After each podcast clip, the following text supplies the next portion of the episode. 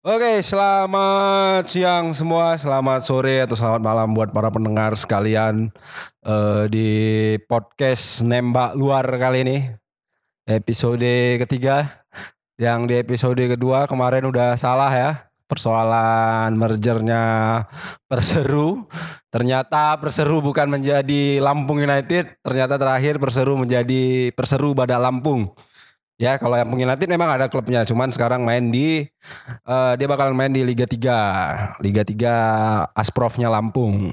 Oke, kita salah kita akui karena kemarin nggak cross check dan buru-buru ngerjainnya dan nggak nggak salah juga sih, cuman karena memang nggak lama setelah itu ada pernyataan resmi dari Lampung United bahwa uh, Lampung United bakal memulai kompetisi di Liga 3 sedangkan berseru ke Badak Lampung. Oke, Ya, ini kita ngobrol-ngobrol masih dengan sepak bola nasional.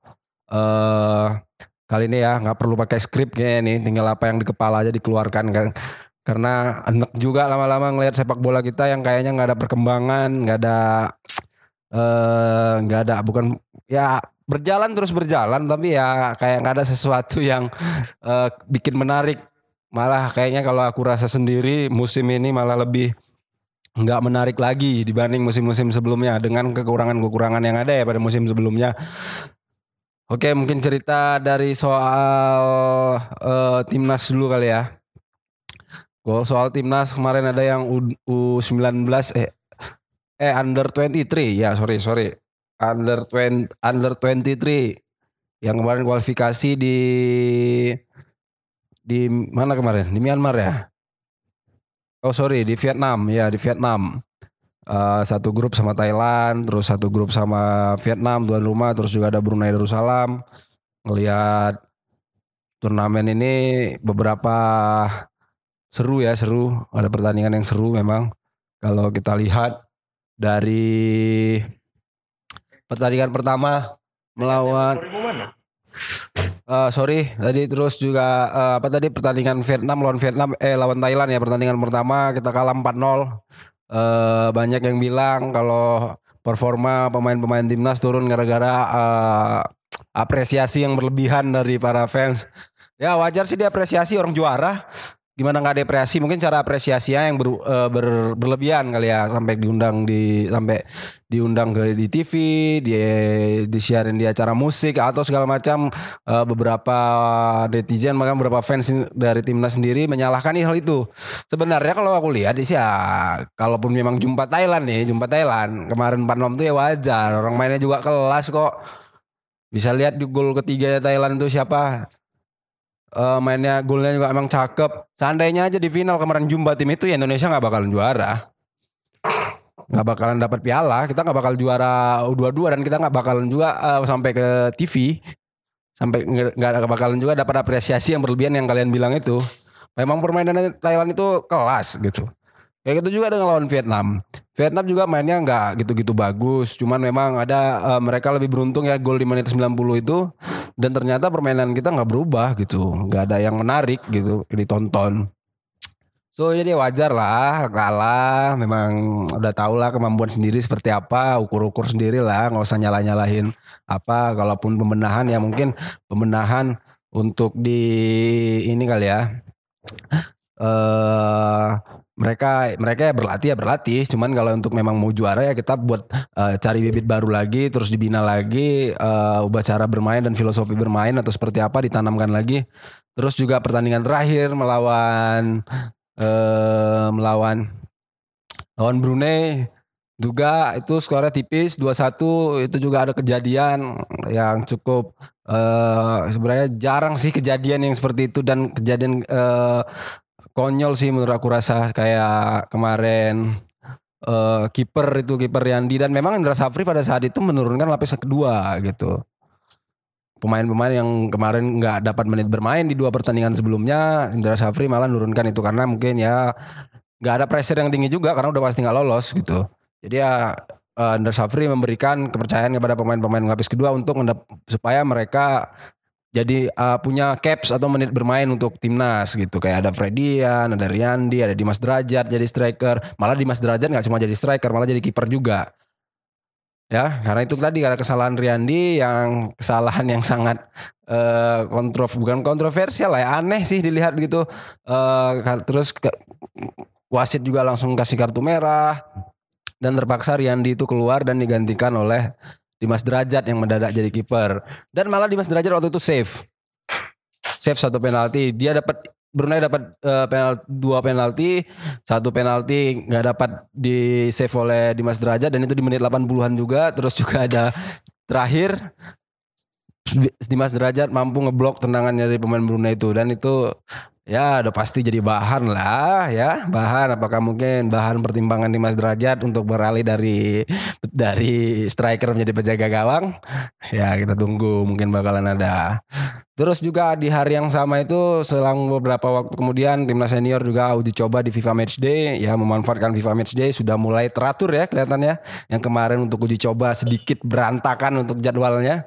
Kali ini uh, timnas sudah bisa ngatur jadwal mereka untuk bermain di FIFA Matchday karena ini bisa berpengaruh ke poinnya timnas Indonesia di ranking FIFA ya. Nah, jadi itu juga menang secara permainan ini itu debut debutnya Simon McManamy ya, pelatih kita yang pelatih timnas yang baru asal Scotland berhasil menang 2-0 lewat gol Greg Nkolo dan juga Spasujevic bermain di Myanmar kemarin. Uh, Oke, okay, permainan ya standar-standar timnas lah, enggak belum kalau aku bilang sih belum wah-wah kali, cuman ya menarik lah uh, kerja sama tim secara permainan, teknikal juga oke okay lah.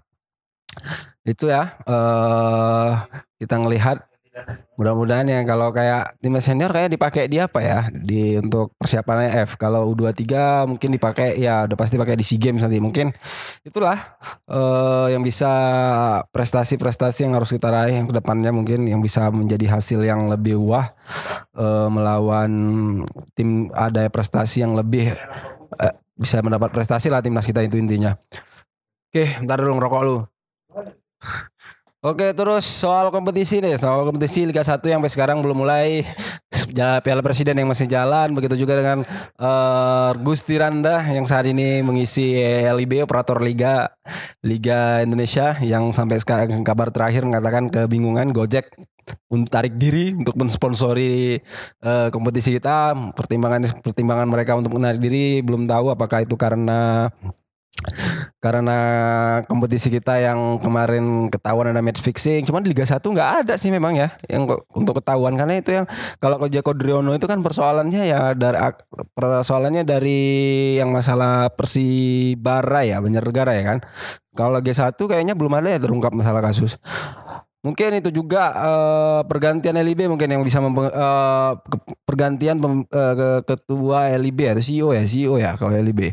Pokoknya itulah komisaris-komisaris di pemimpin-pemimpin LIB, operator liga mungkin itu yang membuat Gojek uh, tarik diri dan saat ini operator LIB uh, masih mencari sponsor untuk uh, kompetisi tahun ini ya. Nah, jadi pertanyaan sekarang, seandainya sponsor nggak dapat, apakah kompetisi ini tetap jalan atau malah berhenti? Nah, kalau berhenti sayang dong, ya kan? Tim-tim udah persiapan, uh, terus kompetisi nggak ada, atau mungkin kalaupun ada kompetisi mereka bakal main di kompetisi piala-piala lurah kali ya. terus juga ya untuk uh, eh, PSMS Medan sendiri ya tempat aku sendiri ini juga masih ribut juga lagi ya. Terakhir udah lama nih nggak ribut-ribut ada dualisme. Yang kemarin terakhir mungkin pas zaman ada IPL ASL itu dualisme. Sekali ini isu-isu dualisme kembali muncul. Kembali muncul. Kemarin ada ada PT ini PT PSMS ini udah lama sih. PT PSMS ya lawannya lawan PT kayak Nantan Medan Indonesia yang saat ini mengelola PSMS Medan di Liga 1 dua Liga 2 dan Liga 1 dari 2017 2018 sudah berjalan dua musim tiba-tiba ada PT PSMS Medan. P E S E M E S. Yang itu ya mereka ternyata pernah mengelola mengelola eh, PSMS Medan pada tahun sekitar 2014 atau 2015 gitu.